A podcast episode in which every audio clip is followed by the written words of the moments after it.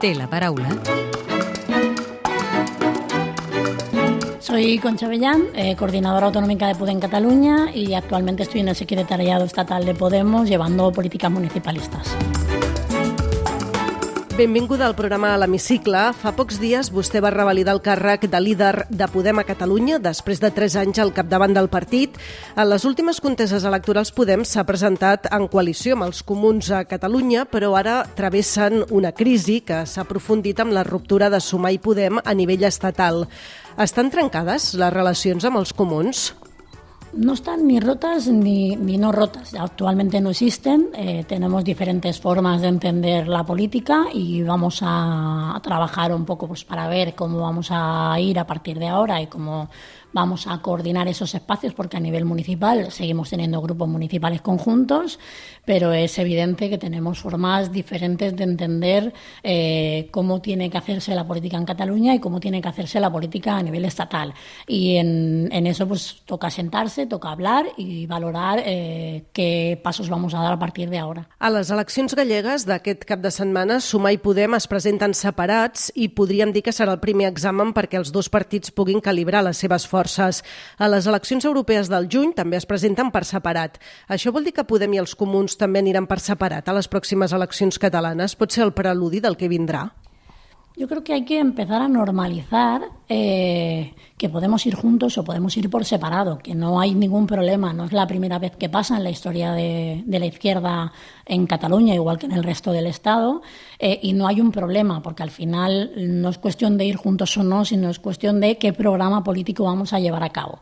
Eh, y cómo lo vamos a querer llevar a cabo, si estamos dispuestos a ser más eh, callados o estamos dispuestos a hacer más ruido, ¿no? Entonces, o vamos a ir con firmeza para apostar con, propuestas concretas políticas. Entonces ahí es donde vamos a tener que determinar si vamos a ir juntos o no y además eh, si no, se nos va a reconocer como fuerza política catalana que somos, que estamos y que además eh, estamos trabajando bastante no solo a nivel interno, a nivel de construcción de espacio político, sino también con un montón de colectivos sociales que necesitan realmente eh, esa voz en el Parlamento, igual que en el Congreso, que ahora mismo en el Congreso sí que la tenemos, pero hasta ahora pues no, no ha habido como un entente y tenemos bastante colectivos que notan esa falta de representación institucional en el Parlamento y en otros espacios. Y por lo tanto, pues vamos a trabajar para que eso, para que eso pase juntas o separadas, pero vamos a trabajar para que Pudem tenga realmente ese espacio que representa de verdad a la gente trabajadora de Cataluña.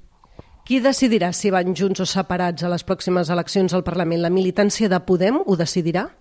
Claro, las decisiones hasta ahora no han sido así. Veníamos más acotados por unos acuerdos eh, pues, de diferentes espacios, pero esta vez, eh, por lo menos en el documento con el que yo me presenté, es si llegamos a un preacuerdo, eh, tiene que ser revalidado por las bases, por los inscritos y las inscritas que van a decidir en todo momento si vamos juntos, si vamos separados o cómo vamos a tener que ir.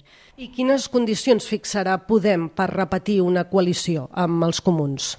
pues que tengamos autonomía propia de poder hacer, es decir, que no nos vengan imponiendo qué políticas queremos hacer, queremos también tener voz real dentro de la política catalana, que tengamos representación real, la que, la que necesitamos tener y no es seguir subalternos a otra fuerza política, eh, tener autonomía y además no aceptar ningún veto y que las primarias sean abiertas. O sea, es decir, tener tener primarias pero abiertas, no sean encorsetadas entre diferentes espacios, sino unas primarias abiertas donde todo el mundo pueda votar y, y, y decidir realmente quién le representa. Si tornessin a reeditar la coalició a les pròximes eleccions al Parlament, podem veuria bé que Jessica Albiach repetís de cap de cartell? Pues yo creo que necesitamos cambios, eh, porque es evidente que Cataluña necesita un espacio político fuerte. En Cataluña realmente de izquierdas, que, no existe ahora mismo, ¿no? Nos está, o el, o el, que existe, pues está flojo. Seguir teniendo ocho diputados no nos tiene, no, no tiene que ser un espacio que nos, que nos conforme. O sea, tenemos que ir a más. Y cuando estás estancado en los ocho diputados y no creces, implica que hay que hacer cambios. Eh, ¿Significa que eso tiene que ser con un cambio de liderazgos? No, significa que hay que hacer cambios reales eh, no estamos incidiendo en la política catalana. En sis anys, Podem, aquí a Catalunya, ha tingut cinc líders diferents i algunes crisis. La última, la dimissió en bloc fa uns parell de mesos de 122 militants que defensaven la unitat amb sumar de Yolanda Díaz. A què es deu aquesta inestabilitat? Bueno, primero es normal. Al final nacimos hace 10 años, hay partidos que llevan toda la vida y por lo tanto han pasado ya por estas crisis. Nosotras las estamos pasando en estos 10 años porque nos estamos estableciendo, ¿no? Y entonces, a medida que va pasando el tiempo, también vas viendo pues eh, quién realmente apuesta por el espacio y quién pues ha estado jugando a diferentes bandas o realmente quién ha decidido cansarse y marcharse, porque también eso pasa, ¿no? Eh, y esos son ciclos. Hay gente que se ha marchado, pero hay gente que en este último, este último trimestre ha, ha, ha vuelto a venir porque ha visto, mira, Pudem eh, tiene que marcar agenda propia y por lo tanto es el momento de volver porque realmente yo creo en Pudem y no, y no en otros espacios políticos. ¿no? Eh, a mí que se hayan marchado personas que ya hace tiempo, de facto, que no estaban militando en Pudem o no estaban ejerciendo en Pudem, yo no lo veo un problema. Creo que ha sido, eh, pues, la realitat de lo que ja sabíamos la gent de Podem. D'aquests 122 militants que es van donar de baixa de Podem, hi ha una diputada al Parlament de Catalunya, Yolanda López, i també alguns regidors en alguns dels ajuntaments més destacats de Catalunya. Vostès demanaran eh, que, que deixin l'acte de diputada i de regidors?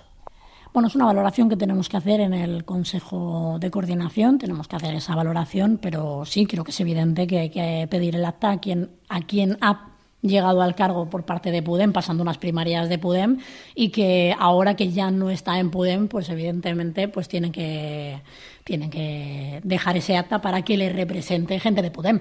Es decir, el acta como si el acta como tal no, aunque sea personal, no se la han dado porque es esa persona, se la han dado porque iba con una formación política representando a Pudem. Entonces, si no representas a Pudem ya, lo ético lo ètico és dejar el acte i que passe a altra persona de Podem. Ja sabem que l'acte de diputada és, eh, és personal. En cas que la diputada, mm, exdiputada, diguéssim, de Podem, no deixés l'acte, eh, des del partit què, què faran? Bueno, buscaremos las vías legales para que eh, pues esta gente pues no represente a Podem como tal y que el Parlament tenga la representación de, de Podem que merece aunque quede poco tiempo, el poco tiempo también implica que la gente de Pudem se vea representada y el votante que también ha votado en Comú Pudem, pero que es votante de Pudem, se sienta representado por este Parlament que actualment europeu. Si li sembla bé, ens endinsem ara ja en el terreny més personal i li demano si pot contestar amb respostes ara al màxim de breu possible. Té algun líder polític de referent? Sí. Eh, Ione Belarra Irene y Pablo, para mí son los tres referentes. ¿Té algún viatge pendent de fer? Eh, quiero hacer un viaje por, ah, por la Bretaña francesa. Recorda que volia ser de petita? Quería ser eh, actriz y bailarina y cantante. Si hagués de posar una música a la Catalunya d'aquests temps, quina posaria? Yo hay una que me refleja mucho cada vez que la escucho a mi barrio, ¿no? de Buen Pastor, que es un barrio obrero, y Barrionalistas, de los chicos del maíz, me marca mucho porque cada vez que la escucho recuerdo pues esos barrios obreros, esa gente que, pues, que viene muy marcada por, por las élites, ¿no? que están muy, muy arrinconadas en en, en, sus barrios y que además son barrios de gente inmigrante con muchísima diversidad, con muchísima pluralidad, pero que además no están reconocidos por la gente que los gobierna. ¿no? Y, y para mí, pues esa Cataluña es la Cataluña diversa, plural, integradora, que defiende los barrios y esa canción siempre me recuerda a eso. I ja per acabar, completi la frase següent. El que més m'agradaria del món és... Que haya un entente entre todas las personas y que entendamos que el mundo solo hay uno y que necesitamos protegerlo.